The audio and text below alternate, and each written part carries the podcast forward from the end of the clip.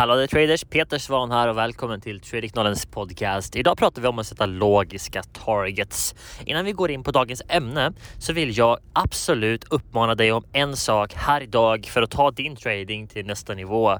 Jag kommer inom kort hålla ett webbinar som är öppet för alla och det är för dig som håller på att komma igång med din trading eller har försökt på egen hand en stund men behöver vägledning för att ta den bästa vägen fram till målet. Gå till tradingkanalen.se slash webbinar, det vill säga traderkanalen.se webbinar. Okej, gå dit och registrera dig för att vara säker på att få en plats i webbinariet som kommer hållas inom kort. Välkommen till Traderkanalen med mig Peter Suvan. I varje avsnitt kommer vi ta upp ämnen och problem som alla traders stöter på med målet att göra dig till en bättre trader. Följ med oss här på resan mot vinnande trading och besök traderkanalen.se för mer gott för dig som trader.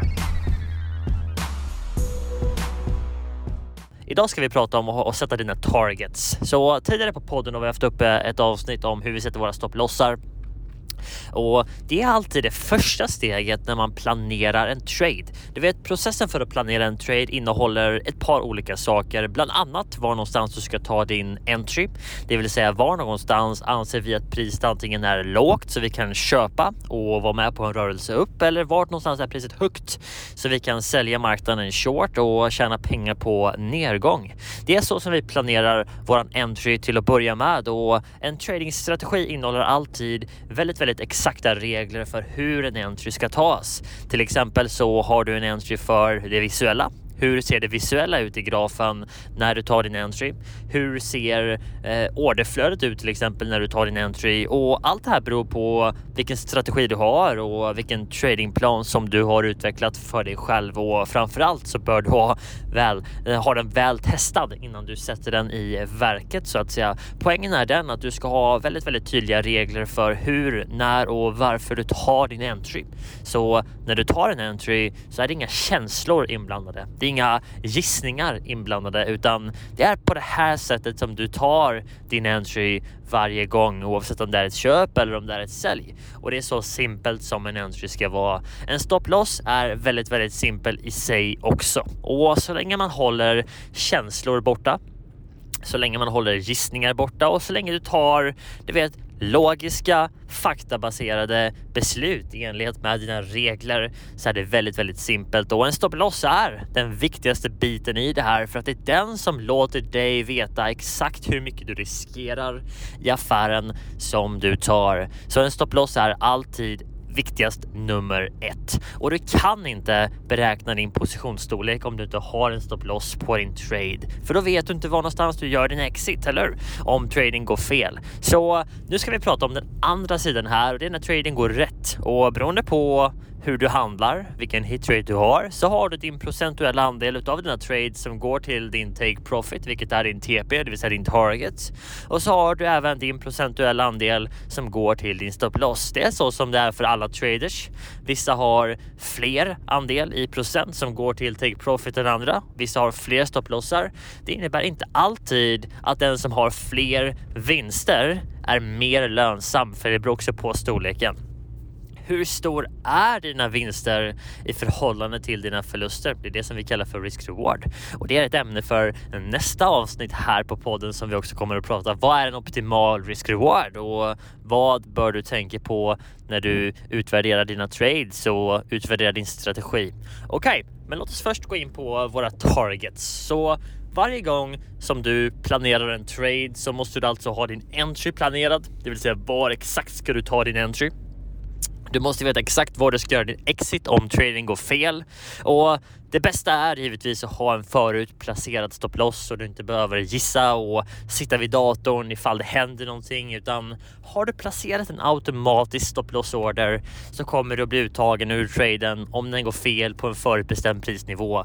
Och när du har en väldigt, väldigt specifik och regelbaserad tradingplan så vet du både vart du ska gå in någonstans och du vet också vart du ska gå ut, det vill säga när traden felar. Så om du till exempel handlar på samma sätt som mig så kommer vi alltid rita ut prisnivåer där vi köper eller säljer och det är baserat på prisnivåer eller zoner där banktraders har tagit affärer och har öppna positioner.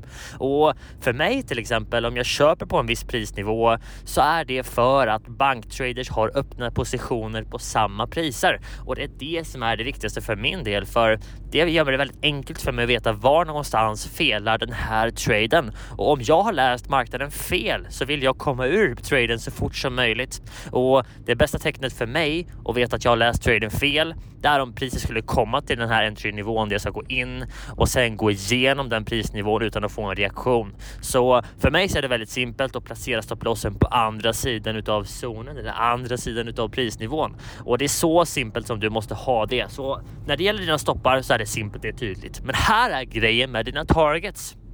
Det finns två approacher som jag använder mig av, två approacher som jag lär ut och den ena är att ha en flytande target, det vill säga att du faktiskt inte har en färdig utsatt target, en TP specifik prisnivå och det vanligaste sättet att göra det på är att du antingen lägger kurslarm eller att du faktiskt följer med på traden beroende på om du är en kortsiktig trader så behöver du troligen sitta och följa traden medan den är öppen.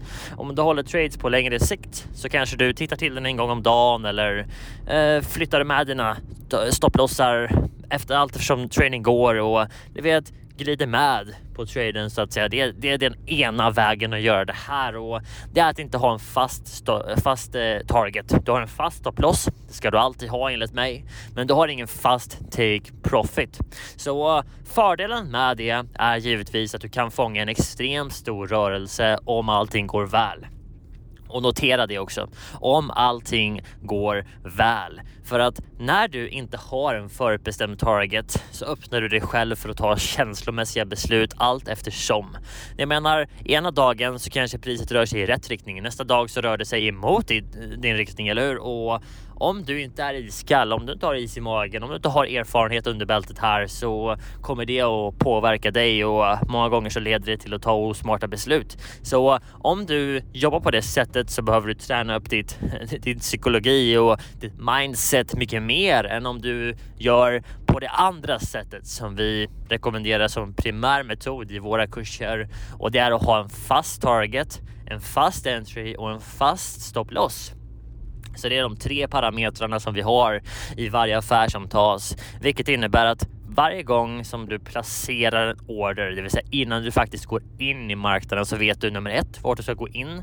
Du vet nummer två vart du ska gå ut om trading går fel, vilket också vet att du, du kan veta exakt vilken summa som du riskerar och du vet också exakt vart du ska gå ut någonstans och det är som regel en fast, fast fast risk-reward eh, förhållande gentemot din risk. Vilket innebär att om du till exempel riskerar 3000 kronor säger vi i din trade så kommer du som regel att ha en target på antingen 6000 eller 9000 vilket är två eller tre gånger risken som du tar. Det är standardförhållandet och det kommer att optimeras när du får handelsdata, det vill säga när du har handlat en månad eller två så kommer vi att kunna se vilken eh, risk-reward metod som är bäst för, för dig och dina typer av trades som du tar. Och det är det enda sättet egentligen att veta vilken som faktiskt är bäst att ta för just dig också. Så två sätt och sätta dina targets på är alltså nummer ett. Att ha en flytande target, det vill säga att du faktiskt inte har någon target från början utan du tar din entry och sen så hanterar du din trade allt eftersom medan den är öppen. Det kräver din närvaro. Det kräver att du tar nya beslut hela tiden, allt efter tradens gång. Vissa gånger så kommer du kunna ta en jättestor vinst för att traden faktiskt bara går i rätt riktning efter att du har fått en entry. Men många gånger så kommer du också bli utstoppad för att traden vänder emot dig och du inte hade någon target. Kanske du till exempel ligger och sover medan marknaden skjuter i din riktning för att sen vända och gå tillbaks till din entry. Så det finns fördelar. Det finns nackdelar med båda metoderna. Så en nackdel till exempel med att ha en fast target är såklart om priset går till din target och sen skjuter vidare jättelångt vidare än så. Så för och nackdelar finns givetvis med båda metoder här.